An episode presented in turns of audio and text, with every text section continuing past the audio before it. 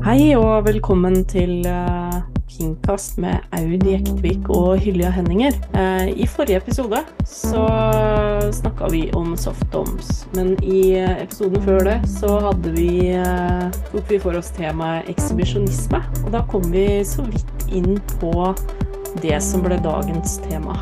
Og i dag så skal vi snakke om voyeurisme.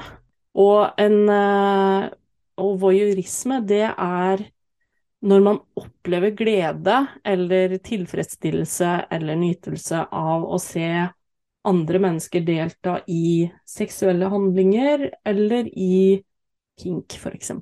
Du har, som vi nevnte på forrige gang, eh, så har du den eh, samtykkende voyeurismen og den ikke-samtykkende voyeurismen. Og den samtykkende er jo selvfølgelig når Og det er det vi hovedsakelig skal snakke om i dag. Og det er den hyggelige voyeurismen.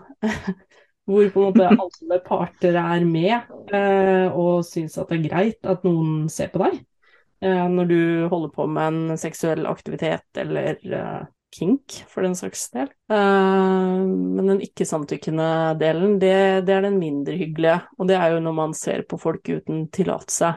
Og det er jo faktisk eh, Det er ikke lov, og det er ikke greit. Um, jeg syns jo det er nesten litt sånn ironisk at ordet på ikke-samtykkende voyeurisme er kikking. Det høres så harmløst ut. Jeg føler at vi trenger et nytt ord. Så, ja. ja. Altså, man sier jo kikking om folk som uh, liker å se på fugler. Å oh, ja. Det er sånn fuglekikk. Ja. Du liker det. Ja. Ja, det er, det er, selvfølgelig litt mer Eller mye mer alvorlig når det ikke er eh, med samtykke. Men eh, det er jo også veldig interessant hvorfor et menneske, og hvorfor flere faktisk, kan synes at det er eh, så spennende å se på andre. Og det ser man jo faktisk i, altså i porno òg, at selv om voyeurisme ikke ligger på topp ti når det kommer til uh, de mest søkte kategoriene, så tror jeg kanskje at uh, Jeg liker ikke å bruke ordet mørketall her, for det blir jo litt sånn feil i den konteksten her. Men at uh, det er nok en god del mørketall. fordi at i veldig mange videoer hvor du på en måte ser det høres ut som jeg bare sitter og ser på porno hele dagen. Absolutt ikke. Dette er for research, bare sånn at It's research. Det her er for research av den nye ja. eh, Jeg spør for en venn. ja, ja, ja. I know. nei, ja. nei, det er ingen skam der, altså. Men uh, nei, nei. Det, det, er i hvert fall det at uh, videoer som da blir kategorisert som threesomes eller uh, altså andre sjangere, da. Der er det jo ofte voyeurisme eller ele elementer av det. Nei, men i, i polo så ser du at, at mennesker Altså, det står en på utsida og titter litt inn på to som kanskje er i en aktivitet. Det er sånn klassisk. Den er ganske klassisk.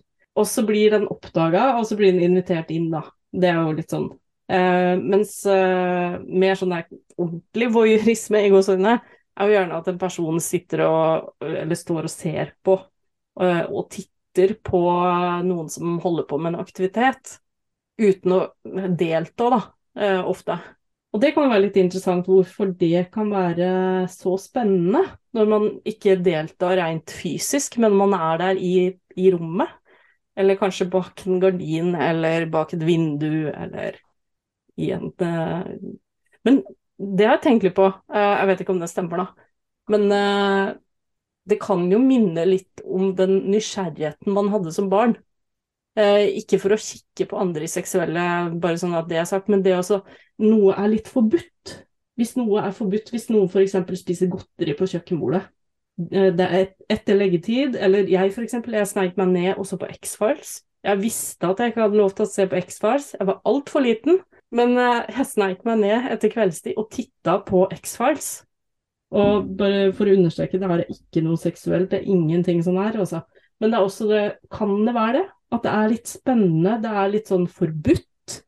I likhet med det samme temaet som vi snakka om eh, i forhold til eh, ekshibisjonisme, at det er litt forbudt. Kan det være det? Jeg tror det. Jeg tror at det kan ha litt sånn Altså Nysgjerrighet er jo ikke aldersavhengig, men jeg tror at det å tillate seg sjøl å kjenne på at det er spennende og ikke nødvendigvis delta, men bare se på. Eh, at det kan gi masse stimuli i seg sjøl. Det å tillate seg sjøl å huske den her følelsen av første gangen man så noe, eller at eh, det, å være skikkelig opptatt av andre mennesker og lage historier i hodet sitt og kanskje kanskje spiller det seg ut, akkurat det scenarioet man hadde tenkt seg eller fantasert om, ønska seg. Det er jo en spennende tanke, og vi er jo visuelt eh, Altså vi kan bli stimulert av visuelle ting. Det er jo en sånn evig diskusjon om menn eller kvinner eh, er mest på en måte opptatt av visuelle inntrykk. Og jeg tenker at uh, mennesker av alle kjønn er nok opptatt av det visuelle. Vi liker å se på kropp, mange av oss. Vi liker å se på seksuell aktivitet, og vi blir kåt av det. Så voyeurisme er kanskje litt uh, undervurdert. Jeg tror ofte så Jeg hører oftere at folk snakker om å bli sett på enn å se på. Jeg tenker at mm, det er kanskje litt det forbudte i det, da, som du sier. Det er jo det. Og du har jo den, eh, altså, den forbudte samtykkende formen for voyeurisme. Den er jo absolutt uh, spennende. Og kan være positivt for, uh, for alle parter. Jeg har jo hørt at noen har opplevd det som veldig fint å være både den som ser og den som blir sett på.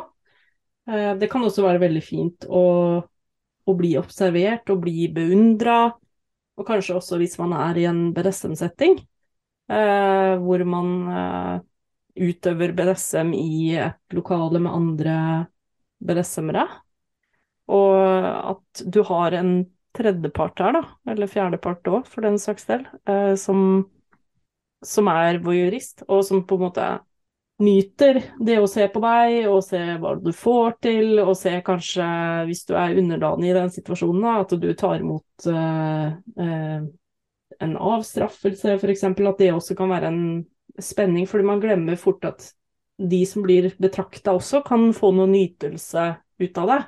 Man tenker kanskje fort at det er den som ser på, som får mest nytelse, men det, det er ikke tilfellet nødvendigvis. Uh, det er jo ikke sikkert at begge like, får like mye ut av det. Det er det ikke. Men det kan jo ha vært forhandla fram Nei, og, ja. Så tror jeg at mange antar at det å se på er på en måte en slags sånn passiv handling, men det må det jo ikke være.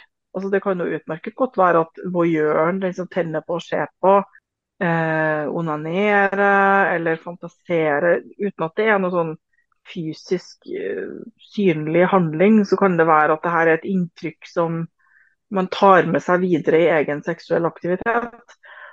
Altså Hvis man mm, er usikker på eller nysgjerrig på om det her er noe man kan like å gjøre sjøl, så er jo det å, å se på, observere og analysere nyttig. Altså Hva er det med det her som tenner meg, hva er det jeg liker? kan være veldig bra. Og for noen så er det overraskende hvor stimulerende det kan være nettopp å se på at f.eks. ei kvinne som er sosialisert til å bry seg mye om hvordan skjer, folk ser på henne. At det kan være veldig spennende å være i en annen rolle, da, og være den som ser på andre. Eh, ikke for å vurdere eller sammenligne eller noe sånt, men hva er det i det her som stimulerer meg, som gjør meg kåt, som gir meg lyst, som gir nytelse uten at jeg er borti noen engang. Kan være en litt sånn ny måte å se på seksualitet på for noen. Avhengig av hvordan man eh, har lært at man er seksuell. Ja, og hvis man skal på en måte trekke fram hva som er god voyeurisme versus dårlig voyeurisme, da, så er det jo at uh, ja, samtykke som vi har snakka om. Samtykke og kommunikasjon om hva som, hva som skal gjøres eh, med alle involverte parter. Mens den dårlige voyeurismen, den er å gå bak f.eks. partneren din sin rygg, eh, eh, gjøre noe som ikke de du ser på, på en måte at de er klar over det. Eh, kikke på folk uten samtykke, det er den dårlige. Eh, og det er jo kikking, som eh, du nevnte på i starten. Men det fins jo også måter å Ja, som du nevnte på det med det med onanere og onanere. At det fins måter å inkorporere voyeurisme eh, på en sunn og samtykkende måte uten å til og med være ute i en situasjon eller i et rom hvor det er veldig mange andre mennesker. Du kan gjøre det hjemme. Du kan jo se på at partneren din onanerer. Du kan eh, f.eks. oppfordre eller oppmuntre partner til å gjøre ting mens du ser på. Titte gjennom nøkkelhullet. Eh, du kan se på at partneren Altså, det å nyte å se på at partneren dusjer, det er noe man kanskje kan gjøre i det daglige og finne glede i. Og så er det faktisk en form for voyeurisme, det også. Eh, også for de som er også i polyamorøse relasjoner, så kan man jo også ha med en eh, annen person hvis det her er greit for alle parter. Altså man kan jo også utøve det på, på den måten, og ta med en annen person eh, for å se at partneren da har eh, leker med den, eller har, holder på med noe seksuelt, eller det er jo noen som også bare bruker speil. Det var vi også inne på i den eh, episoden med ekshibisjonisme. At man kan jo også mm. sitte med speil, og både i forhold til å se på seg sjøl og se på partner, og det finnes så mange måter å ja, både bli sett på og se på. Og det er jo noe sånn Ja, porno er jo i aller høyeste grad voyeurisme, kan man si. Man kan jo diskutere om det må skje live på en måte eller ikke. da. Det finnes jo egne sånne chattetjenester eh, der man blir vist en tilfeldig person, der man liker å, å, se på folk. Og det må ikke være seksuelt på noen måte eh, heller, men at det kan være en del av spenninga. Vil det være noen som er avkledd, vil det være noen som er med på leken når det gjelder seksuelle ting? Og at man utforsker det da, før man gjør noe. Ja, også... eh, det er ja. interessant hva folk syns er utfordrende også, fordi Eh, man kan jo utfordre folk til Eller man kan foreslå for folk at har du sett på partneren din når de onanerer f.eks.? Hvis man skal lære seg å tilfredsstille partner og lære teknikkene som virkelig gir dem nytelse, så kan det være nyttig. Og Det er ofte en stor bøyg for folk. Det å både vise seg for noen når man onanerer og blottlegger seg på den måten, og det å se på en partner som onanerer uten å delta.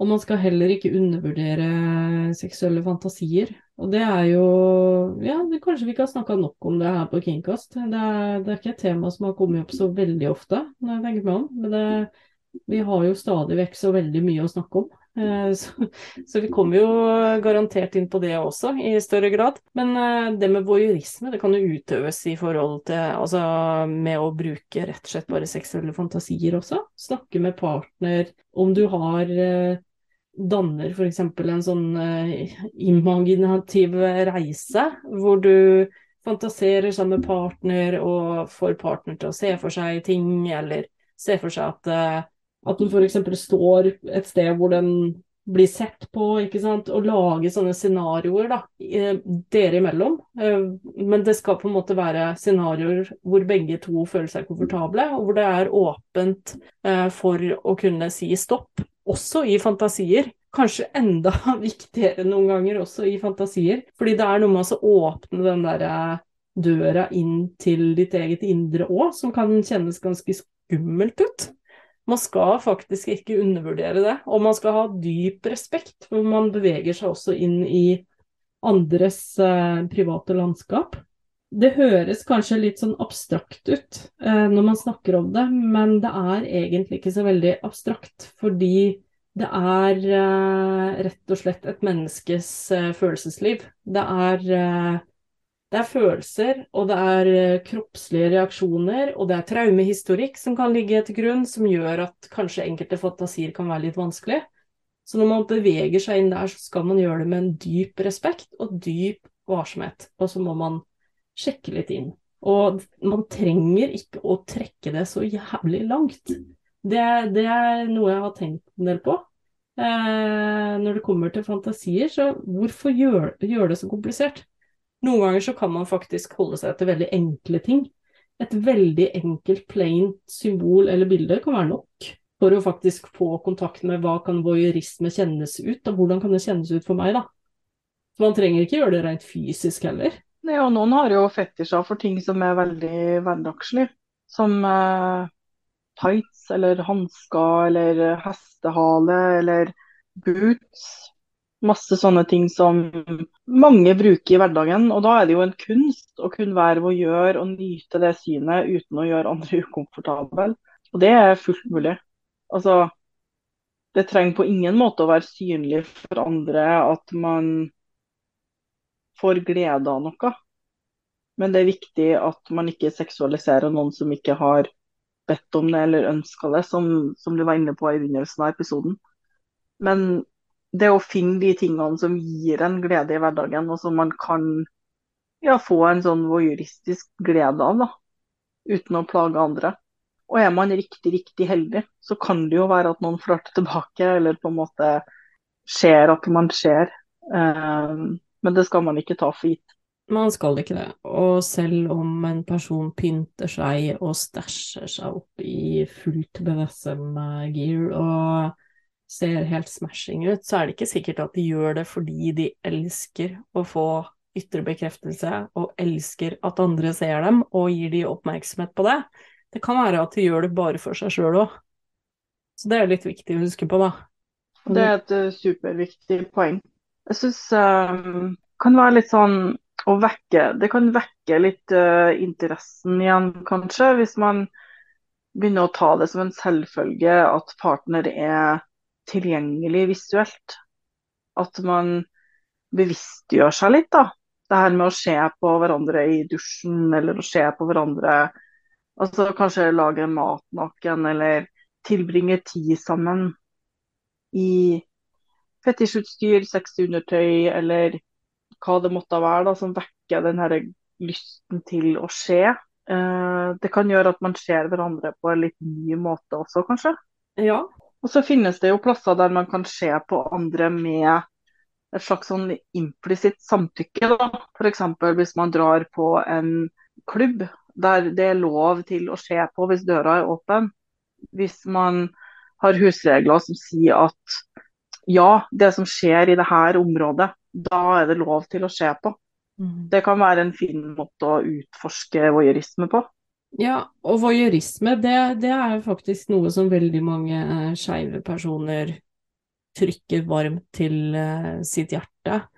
Og jeg tror at mye av grunnen til det er fordi at uh, Altså, det, voyeurisme er jo en viktig kink for uh, marginaliserte samfunn fordi det normaliserer oss som seksuelle skapninger.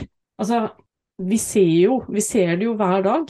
Vi ser det ute i samfunnet. Vi ser eh, om det handler om å bli sett når man kysser på gata, eller eh, på en måte Alt det som på en måte kan undergrave Eh, det heteronormative, patriarkalske antagelsene om at det eneste som funker når det kommer til seksualitet, er pikk i vagina.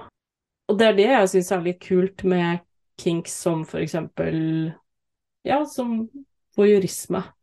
Eh, som utfordrer forestillingen om på en måte ja, om hvem som får lov til å bli sett, da.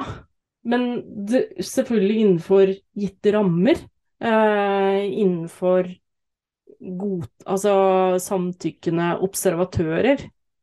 Jeg som er så veldig Jeg elsker jo kunst. Jeg har, eh, og jeg har kanskje et særlig hjerte for eh, for performancekunst.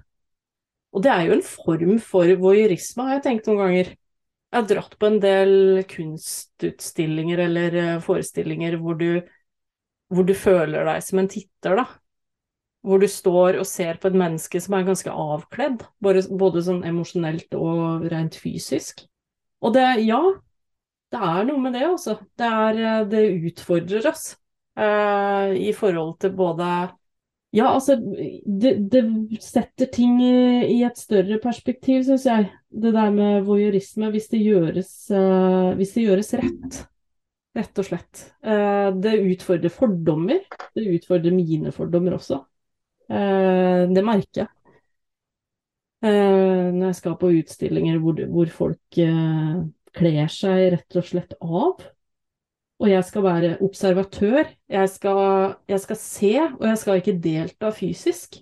Så jeg vil jo tro at de som, uh, de som utøver voyeurisme innenfor seksualitet og kink, også kan oppleve det. At de får et annet perspektiv.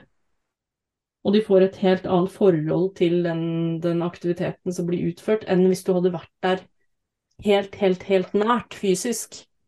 Ja, det er et spennende møtepunkt, da. Altså det med kunst. Å bli invitert inn til å være voyeur. At noen gir deg tillatelse til å se, også på seksuelle måter noen ganger. Og det å like å se på stripping, det å like å se på burlesk, og like å se på sånne uttrykksformer og kunstformer med hjertelig tillatelse. Det kan være eh, kjempefint og kjempegivende. Mm. Både for giver og mottaker. Absolutt. Det er jo, sånn jeg ser det, så er jo voyeurisme veldig mye sårbarhet. Uh, og det kan jo sikkert være noe helt annet for andre. Uh, for det er jo som alt annet når det kommer til uh, kink og seksualitet, at det er veldig individuelt hvordan det oppleves og hva man får ut av det. Men for meg så er det veldig mye sårbarhet. Det, det innebærer ofte å kle seg naken både emosjonelt og fysisk. At det har, det har i hvert fall et stort potensial. Det har jo det, for det er, det er jo noe kraftfullt med det å, det å bli sett, og det å se. Det er veldig mellommenneskelig. Det er eh, Hvor ofte er det vi egentlig stopper opp og ser hverandre? og ser på hverandre og observerer hverandres liv, egentlig. Vi er så låst i våre egne liv og våre egne rutiner og gjøremål at uh, når stopper vi egentlig opp?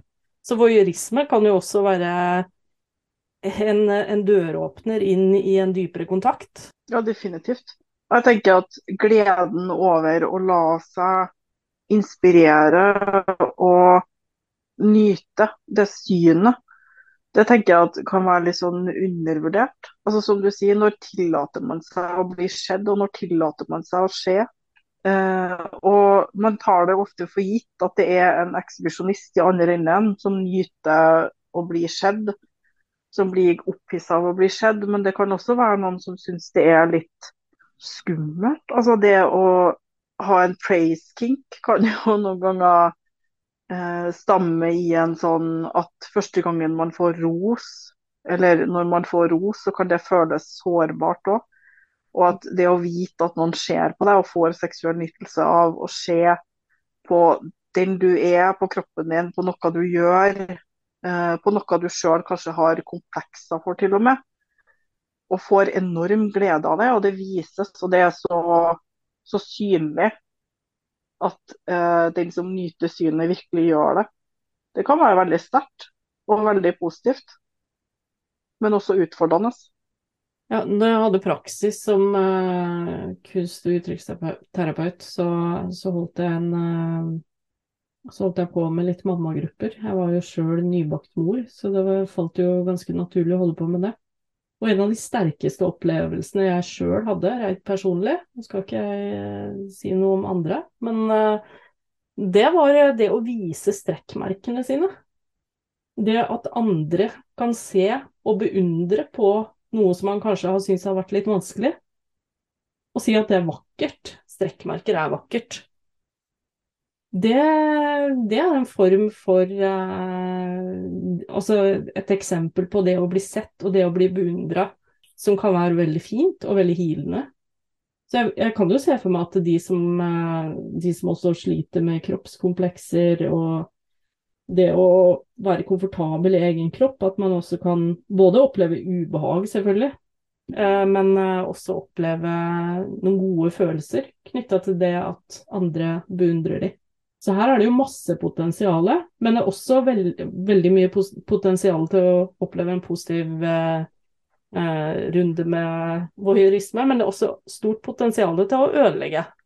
Så det er noe med å vite mm. den balansen også. Ja, ha nok tillit til å kunne være sårbar og bli skjedd Fordi at det å bli skjedd kan, kan, gi ganske sterke inntrykk. Det å f.eks. vise noen uh, hvor vil du bli tatt på, eller hvordan vil du bli tatt på, som vi har vært litt inne på. Uh, hvilke deler av kroppen din er det du liker best? Uh, hvilke deler av kroppen din er du litt usikker på, og kanskje få litt oppbacking på at kroppen er flott og, og deilig og fantastisk. Det kan være stressende og, og, skummelt, men det kan også være kjempefint og, og gi trygghet. Ja, og så er det faktisk så... også lov til å si til de som skal se på deg at vet du hva, jeg føler meg ikke komfortabel med at uh, du ser på, uh, på låra mine nå. Kanskje neste gang, mm. men akkurat nå. Og da er det viktig at den personen også respekterer det. For selv om det kanskje der og da kan føles litt rart å si det at nei, et ett sted på kroppen min får du ikke hvile øya dine, så er det kanskje en viktig grensesetting i den situasjonen. Og kanskje føles det greit neste gang, men kanskje ikke. Men det er viktig i hvert fall. Og, og også vite det at det er rom for det også. Det er rom for å titte, men du kan også si at noen deler av kroppen min får du ikke se på. Og det gjelder faktisk ikke bare det med røring, det kan også gjelde det med å se. Mm. Og så at uh, ja, i dag så syns jeg det er kjempedigg at du vil se på meg når jeg kler på meg, f.eks. At du syns at det er opphissende og en bra måte å, å, si ha det til hverandre før man drar og gjør sine ting om dagen, eller hva det er. Mens andre dager så passer det ikke så godt. Mm. Uh, noen dager så vil man bare gjøre det og komme seg ut noen dager så passer det kjempefint å bli observert i dusjen eller se på at eh, partner snører skoene sine eller, eller gjør noe annet som man syns er veldig visuelt tilfredsstillende. Men det er ikke alltid at det, at det passer. Det er ikke det. Og man skal heller ikke Viktig å respektere. Ja, det er viktig å respektere, og man skal heller ikke undervurdere sex med lyset avslått. Altså, det er slutt å si at, uh, at det er uh, Ja, Nei, det blir ofte satt i en negativ kontekst. Uh, at man ikke tør, eller at man ikke er komfortabel med kroppen min. Er det så jævla viktig hva slags årsak det er til at en menneske kanskje en gang iblant har lyst til å slå av lyset? La de nå for guds skyld få lov til å ta av det lyset hvis de føler seg komfortabel med det. Ja, det kan jo også være fordi man blir litt sånn visuelt overvelda, eller vil fokusere på følelsen i kroppen mer enn det visuelle inntrykket. Altså, det trenger ikke, trenger ikke å være negativt eller pga. usikkerhet uh, i det hele tatt. Det kan være for å gi noe mer, noe ekstra til opplevelsen. Og det finnes også en gyllen middelvei. Uh, det, uh, det finnes ofte en mellomvei mellom det sterkt uh, lys på soverommet og bekmørkt. Det går an å få dempa det og finne løsninger på det med belysning, fordi man, man, skal tro at belysning ikke er så viktig. Jo, det er kjempeviktig. Fordi at man kan faktisk føle seg mye bedre i riktig belysning. Det er jo en grunn til at eh, det er folk som jobber med det her når man skal lage film. Det er egne folk som står for det med lys. På teater og på film, og det må jo gjelde også på soverommet. Og innenfor kink. Altså, herregud. Det, du kjører ikke sånn nedenfra og opp eller ovenfra og ned flashlight. Eh, det gjør du ikke, du føler deg ikke passer bra. Akkurat som du tar ikke bilder ned. Ja, og det er garantert noen som har en fetisj for det òg, men tenk å ha sånn klassisk kontorbelysning med sånn superkvitt lys uh, på soverommet. Ja. Altså, jeg kunne sett for meg det kunne vært veldig interessant i en sånn forhørsrollespill, sånn maktforskyvningsdynamikk. Ja. Men uh, ja. Altid... Men alt, alt til sin tid, altså. Og det var det vi hadde i dag om voyeurisme. Takk for at du var med oss en hel halvtime i dag. Og det temaet her kommer vi til å ta opp igjen ved senere anledning, som de fleste andre temaene vi snakker om. Og i neste episode så skal eh, jeg, Hylja og Aud snakke om konspirasjonsteorier i forbindelse med pride. Og også den nye Amnesty-rapporten som dessverre har vist at det er økt hets og negative kommentarer mot skeive. Så følg med i neste episode av Kingcast.